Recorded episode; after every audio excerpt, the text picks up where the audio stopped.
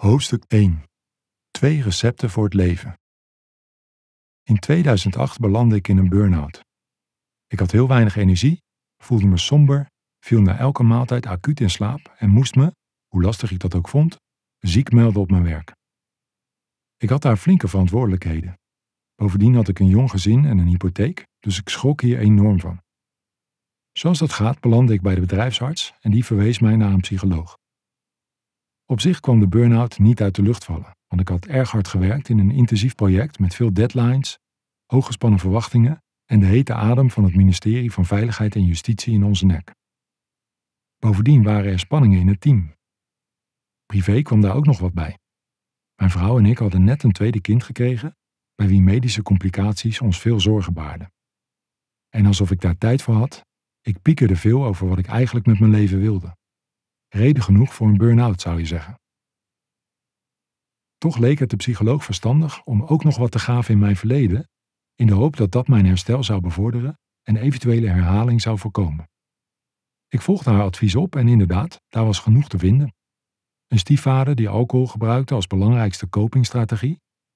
Een lieve, maar ook heel jonge moeder die hiervan baalde, met heftige terugkerende ruzies tot gevolg. En ik als jong, redelijk gevoelig ventje stond daar soms letterlijk tussen die vechtende ouders in. Terugblikkend weet ik werkelijk niet of dat graven me nu verder heeft geholpen. Misschien leverde het iets meer zelfkennis op, maar feitelijk wist ik dit alles al. Wat hielp dan wel?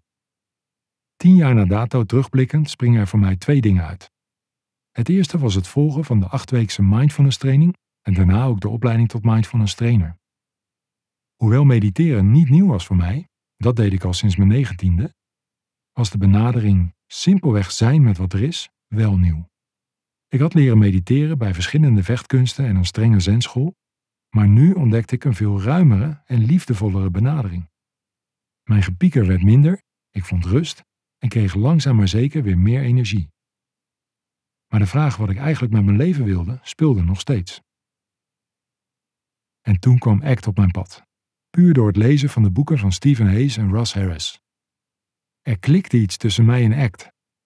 Ik voelde intuïtief hoeveel wijsheid hierin zat en begon alles wat ik las toe te passen op mezelf. Ik probeerde mijn waarden te verhelderen, mijn gedachten te observeren en mijn gevoelens te voelen. Na enkele goede gesprekken met mijn vrouw kwam er ook actie. We besloten terug te verhuizen naar Rotterdam, onze geboortestad. Vlak voor mijn 40ste verjaardag meldde ik me bij de Kamer van Koophandel om, naast de baan die ik inmiddels weer had opgepakt, een eigen bedrijf te starten. Al snel gaf ik mindfulness training in het buurthuis van een Rotterdamse volkswijk. Kort daarna had ik zelfs een waar bucketlist moment. Samen met twee collega's gaf ik de mindfulness training in een Amsterdamse gevangenis. En voor het eerst sinds tijden voelde ik weer dat ik op een goed spoor zat. Dat het weer klopte. De energie begon te stromen en in no time voelde ik me beter dan ooit. Het is niet bepaald een logisch recept voor bij een burn-out. Ga verhuizen en start een bedrijf naast je baan en je jonge gezin. En toch werkt het voor mij, in combinatie met een periode van rust uiteraard. En dat is het mooie van ACT. Die geeft geen standaard recepten. Een ACT-coach gaat samen met zijn coachie op zoek naar antwoorden op de vragen: waarvan kom jij tot leven? En wat wil je eigenlijk met je leven? Op de een of andere manier wordt zo een bepaalde vitaliteit aangeboord, waardoor het leven weer gaat stromen. In dit hoofdstuk laten we je zien door welke processen veel mensen vastlopen in hun leven. Daarna vertellen we je welke procesgerichte vaardigheden ACT daartegenover stelt. Hierdoor krijg je alvast een overzicht van de ACT-visie op moderne levenskunst. In de hoofdstukken daarna gaan we dieper in op elk van die vaardigheden. We leven in een maatschappij en een tijd waarin de materiële welvaart groter is dan ooit tevoren. En tegelijkertijd zitten de wachtkamers van psychiaters, psychologen en coaches vol. Twintigers gebruiken massaal antidepressiva, ecstasy of andere pijnstillers. Vele dertigers en veertigers lijden aan FOMO, fear of missing out, rennen maar door en eindigen overspannen op de bank. Een op de drie huwelijken eindigt in een scheiding en ook ogenschijnlijk gelukkige stellen zijn niet alleen gek op elkaar, maar worden ook gek van elkaar. Instellingen als de Raad voor de Kinderbescherming, de Jeugdzorg en Veilig Thuis hebben wachtlijsten. Onderzoek van Gallup in 142 landen laat zien dat wereldwijd gemiddeld slechts 13% van de werknemers zich betrokken voelt bij het werk. In 2016 gaf 43% van de volwassen bevolking in Nederland aan eenzaam te zijn en 10% voelt zich zelfs ernstig of zeer ernstig eenzaam. Deze en andere redenen leiden mensen naar jouw coachpraktijk. Maar voordat ze bij je aankloppen, hebben ze vaak al van alles geprobeerd. Want wie wil zich nu ongelukkig voelen in werk, ouderschap, relatie of juist het ontbreken daarvan?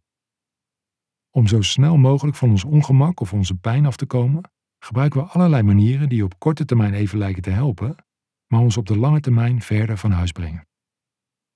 Zo hebben wij de neiging om te gaan eten als we ons niet goed voelen. Een ander gaat misschien online shoppen, Netflixen, alcohol drinken of verdwijnt in zijn werk. Nu is er voor alles een tijd en een plaats.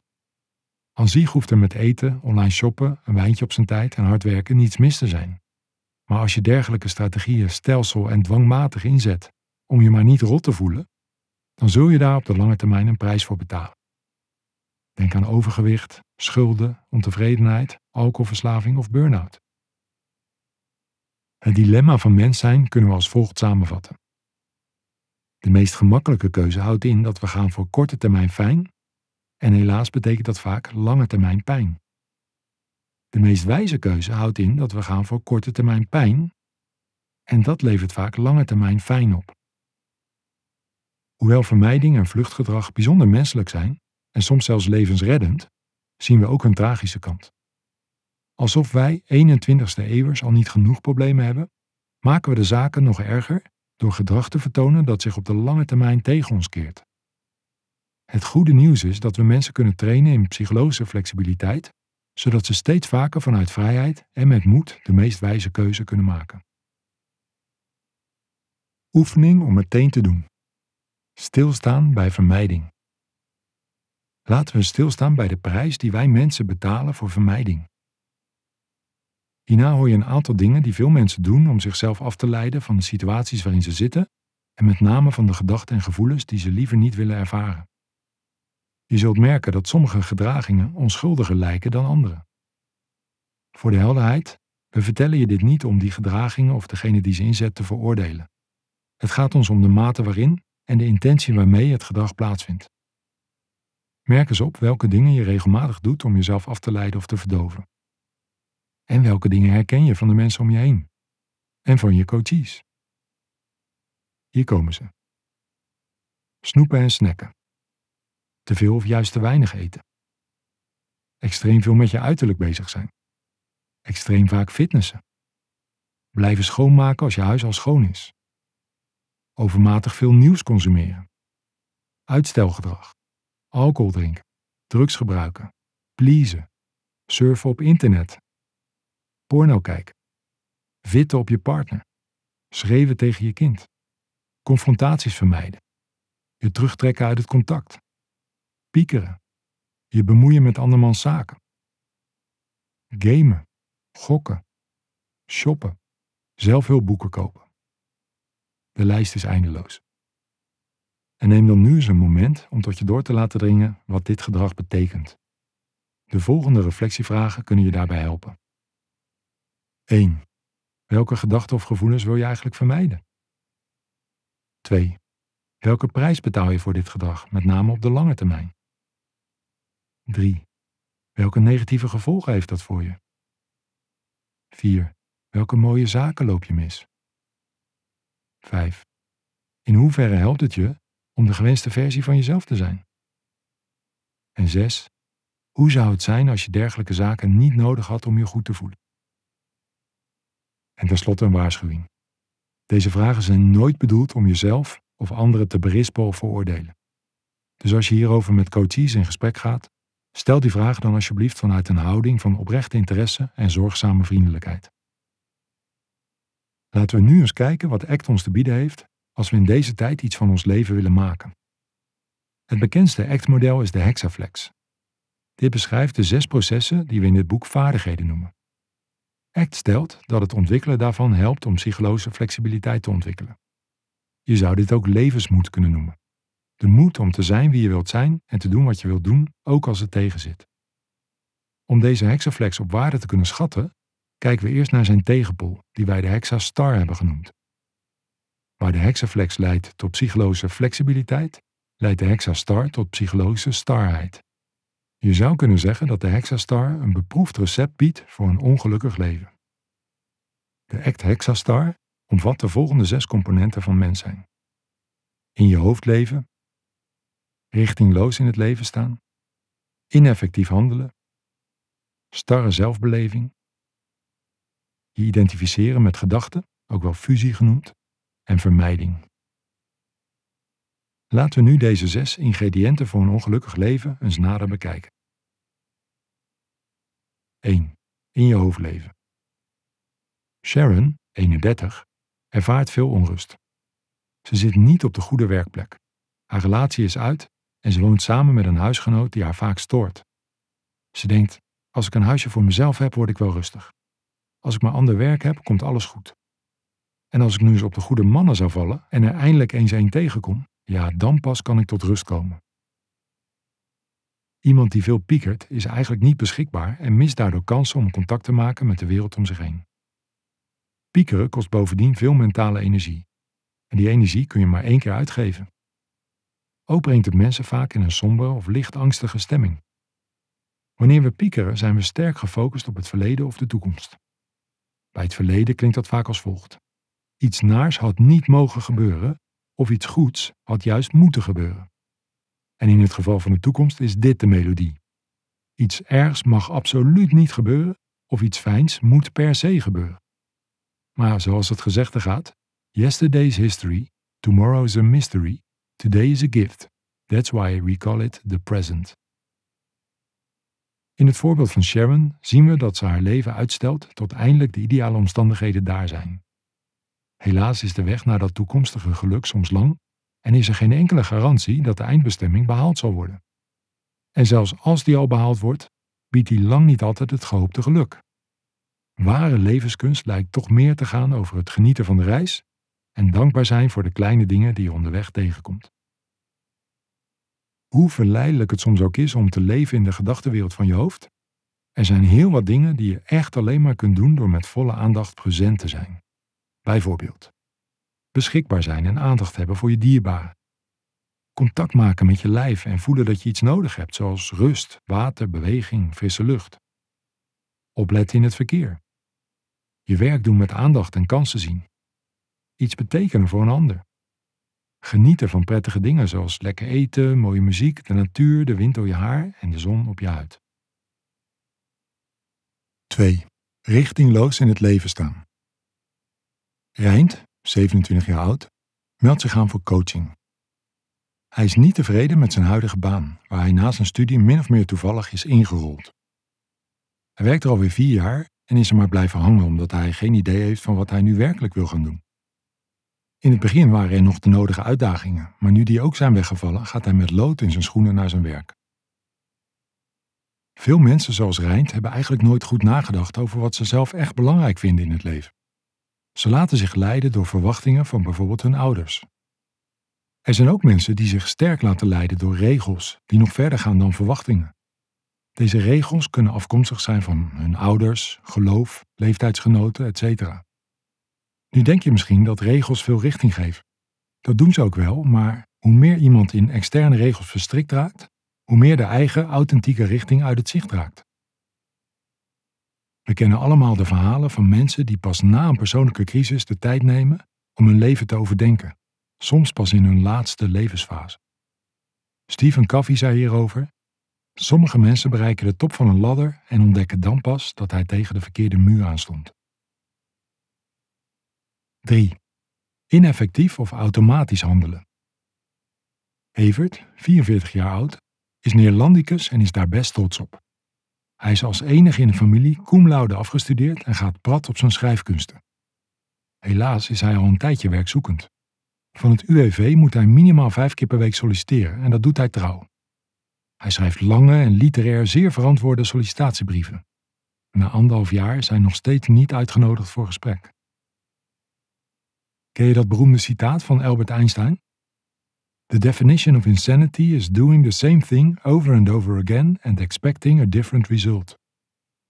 Hoezeer Evert ook zijn best doet, kennelijk werkt zijn huidige aanpak onvoldoende. Hij blijft doen wat voor hem vertrouwd voelt en het lukt hem niet om op eigen kracht een andere, effectievere aanpak te ontwikkelen. Je herkent zelf ook vast dat je soms dingen blijft doen die niet werken. Dit gedrag heeft je misschien ooit geholpen om te functioneren of zelfs te overleven, maar is nu misschien gedateerd of ineffectief.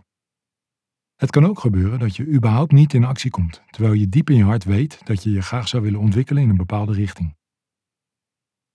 En dan hebben we nog het soort gedrag dat we min of meer automatisch vertonen. Een groot nadeel hiervan is dat het vaak wordt ingegeven door ons primitieve brein. Helaas is dit meestal niet het meest wijze deel van ons brein. 4. Een starre zelfbeleving. Steve, 28 jaar oud, was jaren topsporter geweest tot hij zodanig geblesseerd raakte dat hij zijn carrière als sporter had te beëindigen. Hij viel in een zwart gat, was zijn structuur kwijt en dacht: er is niks meer van me over. Ken je dat? Op sommige dagen ben je best blij met wie je bent en op andere dagen baal je enorm van jezelf. Best vreemd eigenlijk, want je bent toch wie je bent? Toch is dit goed te verklaren. De ups en downs in je zelfevaluatie ontstaan doordat het leven grillig is, terwijl het beeld dat je van jezelf hebt min of meer vast ligt. Ons zelfbeeld ontstaat namelijk doordat we onszelf een verhaal vertellen over wie we zijn. Dat kan een positief of negatief verhaal zijn of een mix tussen beide. Maar hoe meer je samenvalt met dat verhaal, hoe meer je daarin vastzit. En omdat het leven en je gedrag fluctueren, voldoe je de ene dag meer aan het verhaal over jezelf dan de andere dag. Daarnaast kunnen mensen zichzelf identificeren met de rol die ze bekleden en daaraan hun zelfbeeld ontlenen. Zolang deze rol en dit zelfbeeld worden gevoed en ondersteund, blijkt er geen veldje aan de lucht. Maar als die rol niet meer passend is of niet vervuld kan worden, geeft dat problemen. Of dit nu gebeurt door een faillissement, ontslag, ongeluk, scheiding of blessure, zoals bij Steve, hoe meer men gehecht was aan de rol die men vervulde en het positieve zelfbeeld dat daarmee in stand werd gehouden, des te pijnlijker is het proces van loslaten dat onvermijdelijk volgt. 5. Vastzitten in je denken. Helene, 32 jaar oud, denkt vaak dat ze tekortschiet. Als moeder van een jong gezin met een drukke baan, vriendinnen en een ambitieuze partner, probeert ze alle ballen in de lucht te houden. Dat lukt aardig, en toch kijkt ze voortdurend kritisch naar zichzelf. Het had beter gekund, ik doe het niet goed genoeg. Ik geef te weinig aandacht aan mijn kinderen. Het zijn gedachten die steeds terugkeren, haar beeld van de werkelijkheid kleuren en haar gevoelens en gedrag beïnvloeden. Ze neemt deze gedachten zo serieus dat ze enorm haar best doet het tegendeel te bewijzen. Ze put zichzelf hierdoor uit en dreigt nu in een burn-out te raken. Elke coachende professional weet dat ons denken invloed heeft op ons voelen en doen, en dat belemmerende gedachten ons flink in de weg kunnen staan. Maar niet iedereen weet dat mensen zich nogal verschillend kunnen verhouden tot een denkwereld. Er zijn mensen die, door levenservaring, meditatie of zelfreflectie, geleerd hebben hun gedachten niet al te serieus te nemen. Maar de meeste, en zeker coaches die allerlei problemen ervaren, zitten nogal vast in hun denken. Zij zien hun gedachten min of meer als de waarheid. Mensen zijn soms stellig overtuigd van ideeën over zichzelf, zoals ik heb altijd pech, de ander, die is tegen mij, of de wereld, die is oneerlijk.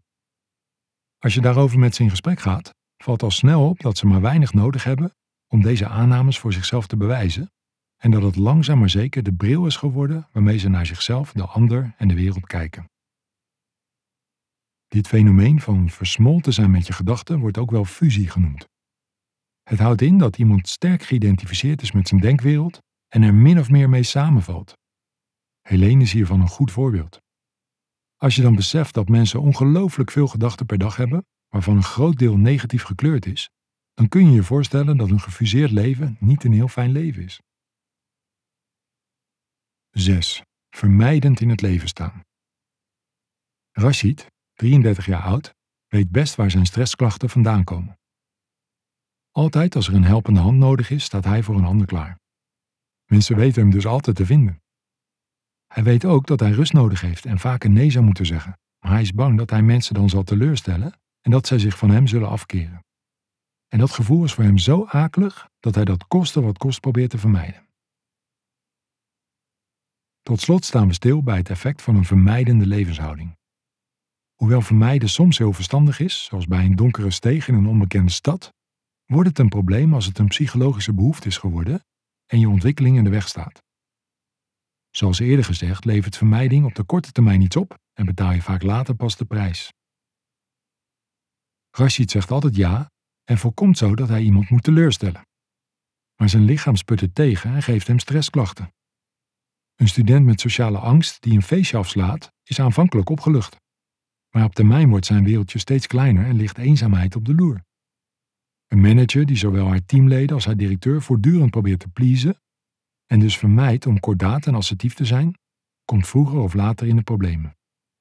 En een man met relatieproblemen die steeds vaker gaat overwerken en dus het echte gesprek vermijdt, stevend misschien wel af op een echtscheiding.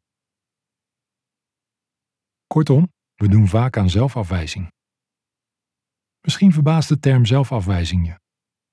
En toch valt hier veel voor te zeggen. We wijzen onszelf af als we ons niet mogen voelen zoals we ons voelen. We doen onszelf tekort als we ons vastklampen aan ons zelfverhaal en zeggen: Zo ben ik nu eenmaal.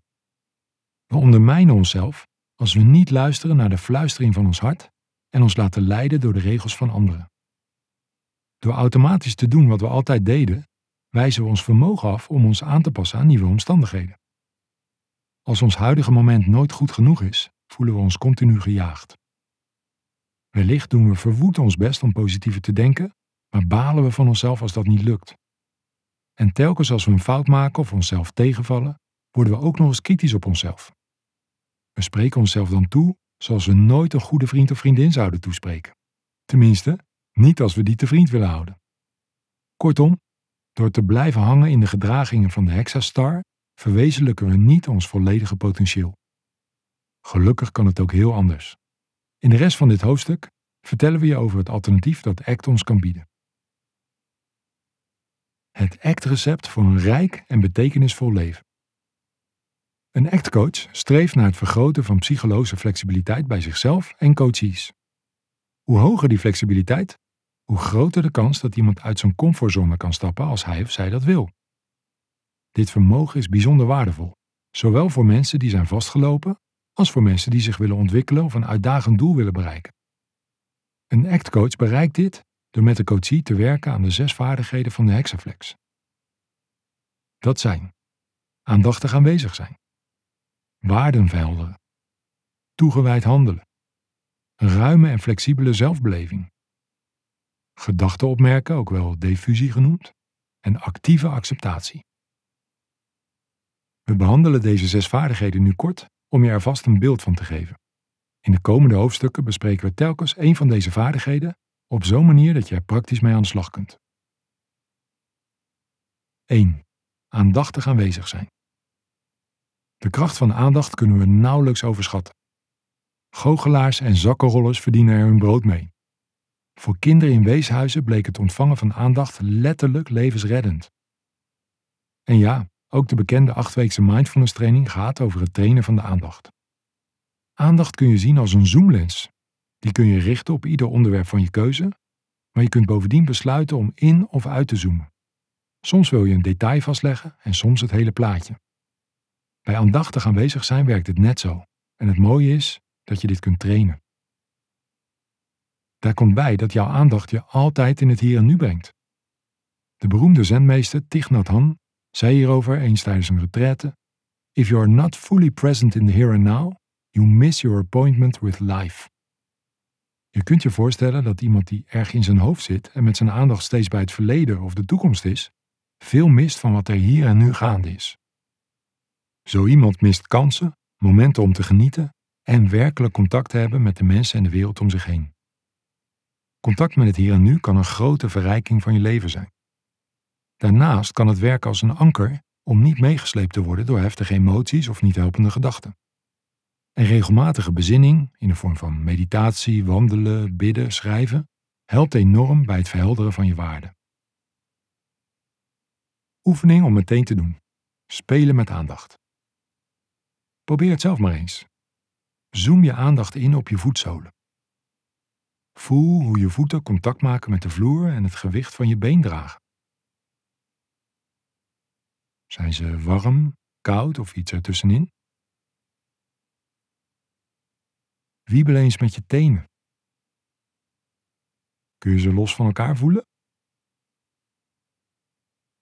En zoom nu eens uit om je hele lichaam te ervaren. Voel hoe je hier nu zit. Merk op in welke houding je lichaam zich bevindt. Hoe je lichaam als vanzelf in en uitademt.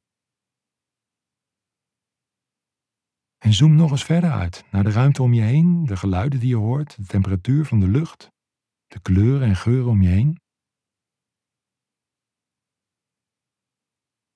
Zie je hoe je de lens van je aandacht zelf kunt richten en in en uit kunt zoomen?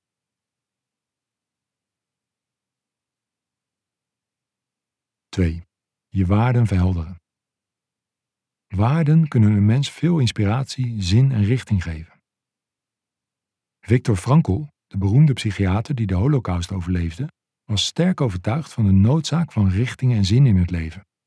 Hij citeerde vaak Nietzsche: He who has a why to live can bear almost any how. Een leuke manier om te ontdekken wat je why is, is het doen van waardenonderzoek. Om een coachie te helpen zijn waarden te verhelderen, kan een actcoach vragen stellen zoals: Wie of wat is belangrijk voor jou? Wat wil je echt, los van alle verwachtingen van anderen? Wat voor persoon wil je zijn in antwoord op deze uitdaging? Wat voor soort partner, vader, moeder, vriend of vriendin wil je zijn? Wat voor soort relaties wil je met je dierbaren opbouwen? Welk type werknemer, collega of zelfstandig ondernemer wil je zijn? Waar wil je dat jouw leven over gaat? Stel je eens voor dat er, als bij toverslag, geen belemmeringen meer zijn in je leven. Waaraan zou je dan je tijd en energie willen besteden? Hoe wil je de rest van je tijd op deze planeet besteden? Hoe wil je later kunnen terugkijken op je leven? Vaak zijn wij zelf en onze coaches het antwoord op deze vragen wat uit het oog verloren. ACT werkt aan hernieuwd contact hiermee. Waarden werken zoals een innerlijk kompas. Tegelijk maken ze je ook wendbaar en veerkrachtig, omdat je elke waarde op talloze manieren in de praktijk kunt brengen. 3. Toegewijde actie. Toegewijde actie gaat over het vertalen van waarden naar concreet gedrag. Hieruit blijkt de toewijding voor de mensen of de dingen die jij belangrijk vindt. Het aardige is dat dit gedrag niet altijd groots en meeslepend hoeft te zijn, maar juist ook heel klein kan zijn. Sterker nog, vaak zijn het de kleine dingen die het hem doen. Denk bijvoorbeeld aan korte momenten van aandacht voor je dierbaren. Dat je even je telefoon weglegt of je laptop dichtklapt als een kind, partner of vriend, vriendin je iets wil vertellen. Dat je die collega een bemoedigend appje stuurt omdat je weet dat ze een spannend gesprek moet voeren. Dat je moeder met een kinderwagen helpt om de trein in te komen. En ja, soms gaat het wel om iets groots. Dat je een gebroken hart toch weer openstelt voor een nieuwe liefde. Dat je je vol inspirerende ideeën inschrijft bij de Kamer van Koophandel, zonder te weten of je het zult redden als zelfstandig ondernemer. Dat je stopt met een baan die goed verdient, maar je niet gelukkig maakt. Dat je besluit om weg te gaan bij een partner die jou respectloos behandelt. Dat je besluit om een gezin te starten terwijl je dit super spannend vindt en niet zeker weet of je ooit een goede vader of moeder zult zijn. Dat je een tijd naar het buitenland gaat voor je werk of de liefde. Sommige dingen in het leven kun je niet een beetje doen en voelen als een sprong in het diepe. ACT helpt mensen om de moed te vinden om te leven vanuit hun hart en daarbij te zeggen: Ik heb liever spijt van de dingen die ik wel heb gedaan dan van de dingen die ik niet heb gedaan. 4. Een ruime en flexibele zelfbeleving. Officieel heet deze vaardigheid zelf als context omdat we dit boek zo toegankelijk mogelijk willen houden, hebben wij deze vaardigheid een beetje herkaderd en een ruime en flexibele zelfbeleving genoemd. In plaats van een star zelfbeeld leert ACT mensen om zichzelf te zien als een soort ruimte waar het leven doorheen stroomt. Dit leidt tot een zelfbeleving die voldoende ruimte geeft aan alles wat het leven te bieden heeft, ook de ongemakkelijke zaken. En het is ook een flexibele zelfbeleving in de zin dat je van jezelf mag veranderen in reactie op wisselende omstandigheden. Ook is er in ieder van ons een neutrale, veilige plek van waaruit we die levensstroom kunnen waarnemen. Die plek, ook wel het observerende zelf genoemd, was er al van jongs af aan en zal er zijn tot onze laatste levensadem. Door af en toe dit standpunt van stille getuigen in onszelf in te nemen, ervaren we meer rust en kalmte. Vanuit deze positie verdringen we onze gedachten en gevoelens niet, maar we identificeren ons er ook niet mee. We zien ze simpelweg komen en gaan. Contact maken met dit observerende zelf geeft ons bovendien veel meer keuzevrijheid. Vanaf deze plek is het makkelijker om wijs te antwoorden op de uitdagende situaties die het leven ongetwijfeld op ons pad zal werpen. 5. Gedachten zien voor wat ze zijn. Eerder zagen we dat het nogal tricky is om je gedachten heel serieus te nemen en ermee te versmelten.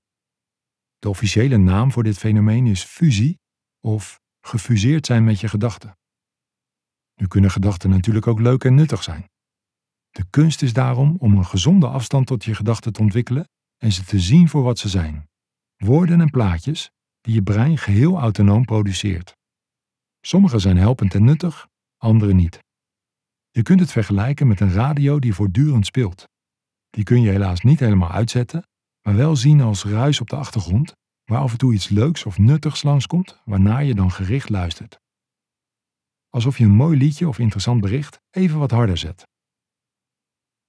De ACT-manier om dit te bereiken is het aanleren van diffusievaardigheden. Je leert hiermee, vaak op speelse wijze, naar je gedachten kijken in plaats van je erdoor te laten leiden of beïnvloeden. In ACT gaan we nooit de strijd aan met gedachten. We gaan ook niet de discussie aan of ze waar zijn of niet. Een veel zinvollere vraag is: helpen gedachten je te leven naar je waarden? 6. Actieve acceptatie. Zoals gezegd, veel mensen zijn bij onaangename gevoelens of fysieke sensaties geneigd om te vechten of te vluchten. Vechten kan eruit zien als verkrampen, boos op jezelf worden, jezelf straffen door heel veel van je lichaam te vragen. Vaak verergert dit de zaak alleen maar omdat je dan in gevecht bent met jezelf. Bovendien is het een strijd die je nooit zult winnen, want ongemak en pijn horen nu eenmaal bij het leven. Bij vluchten kun je denken aan piekeren, jezelf verdoven, situaties vermijden, jezelf afleiden of belangrijke dingen uitstellen. Gelukkig is er een alternatief. Als mens kun je leren om bewust ruimte te maken voor onaangename emoties, gevoelens en fysieke sensaties vanuit het diepe besef dat er niets mis is met je als je je af en toe rot voelt. Hierdoor word je er veel minder door in beslag genomen. Vervolgens kun je je focus opnieuw verleggen naar je waarden. Acceptatie is overigens niet hetzelfde als leidzaam ondergaan, maar juist een heel actief, nieuwsgierig onderzoekend proces. Vandaar dat wij spreken van actieve acceptatie. Je hoeft er onaangename gevoelens ook niet prettig te gaan vinden. Je hoeft er slechts ruimte voor te maken.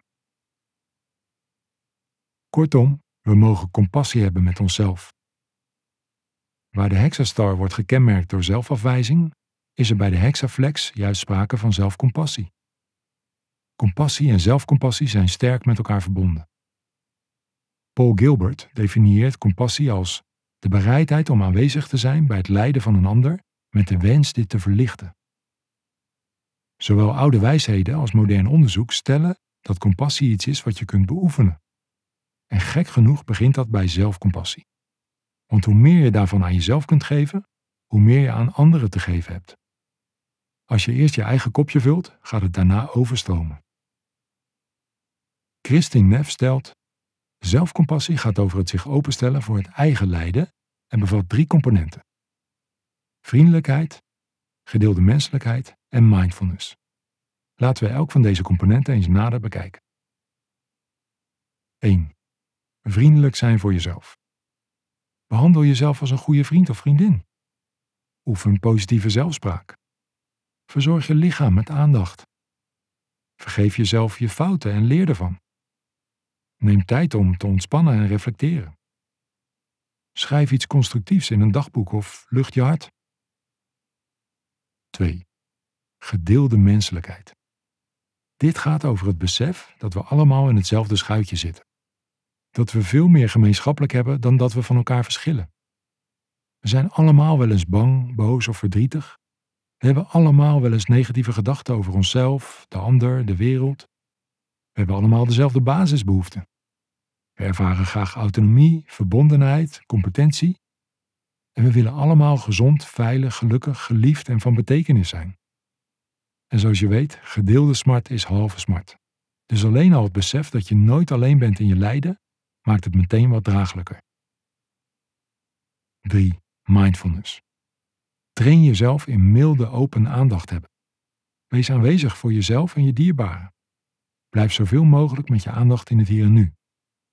Vergeef jezelf als dat weer even niet lukt en begin dan weer opnieuw. Geniet van kleine dingen en tel je zegeningen. En het moeilijkste van alles, erken je emoties. Benoem ze of laat ze bewust toe in je lichaam, zodat ze kunnen komen en ook weer gaan. Erken dat dingen soms zwaar zijn. Zeg bijvoorbeeld: Dit is moeilijk voor me. En wens jezelf iets vriendelijks toe, zoals: Mogen ik mezelf accepteren precies zoals ik ben? Als wij het zelf even zwaar hebben, dan doorlopen we vaak in gedachten deze drie stappen en na afloop voelen we ons altijd wat lichter. Wellicht klinkt het nu allemaal nog wat abstract, maar ACT-coaching is juist heel praktisch en ervaringsgericht. En wellicht moet je wennen aan bepaalde termen. Dat moesten wij ook in het begin. Maar gelukkig is er niets raars of zweverigs aan ACT. Er zit ook geen religieus of moreel tintje aan. Alles wordt zeer down to earth gebracht. Het gaat in feite om heel praktische life skills die wij in onze moderne tijd wat vergeten lijken te zijn, die iedereen kan leren en die mensen kan helpen een rijk, waardig en betekenisvol leven te leiden. Het mooie is ook, als ze eenmaal zijn aangeleerd, neemt je coachie ze mee voor de rest van zijn leven. Hij kan er dus altijd weer op terugvallen, ook bij problemen met een heel andere inhoud. Onder andere hierom juichen wij toe dat ACT voor steeds jongere leeftijden wordt ingezet. Een mooi voorbeeld hiervan is het recentelijk verschenen boek Psychologische flexibiliteit in het onderwijs door Maaike Steeman en Femke Klomp, dat we van harte aanbevelen, evenals het model Act for Kids, ontwikkeld door Monique Samson. Samenvatting. In dit hoofdstuk lieten we je zien dat er twee heel verschillende levenshoudingen bestaan. Eén die leidt tot psychologische starheid en één die bijdraagt aan psychologische flexibiliteit. ACT biedt coaches een recept aan waarmee ze de tweede levenshouding kunnen ontwikkelen, zowel bij zichzelf als bij hun coaches. Garanties bestaan niet, maar het tweede recept geeft volgens ACT aanzienlijk meer kans op een vitaal en betekenisvol leven. Het bestaat uit zes vaardigheden die in principe iedereen kan ontwikkelen in zichzelf. Ze hangen onderling samen en versterken elkaar bovendien. Naast de zes vaardigheden stimuleert ACT ook dat mensen een relatie met zichzelf ontwikkelen waarin sprake is van zelfcompassie. In het volgende hoofdstuk behandelen we de basishouding van de ACT-coach.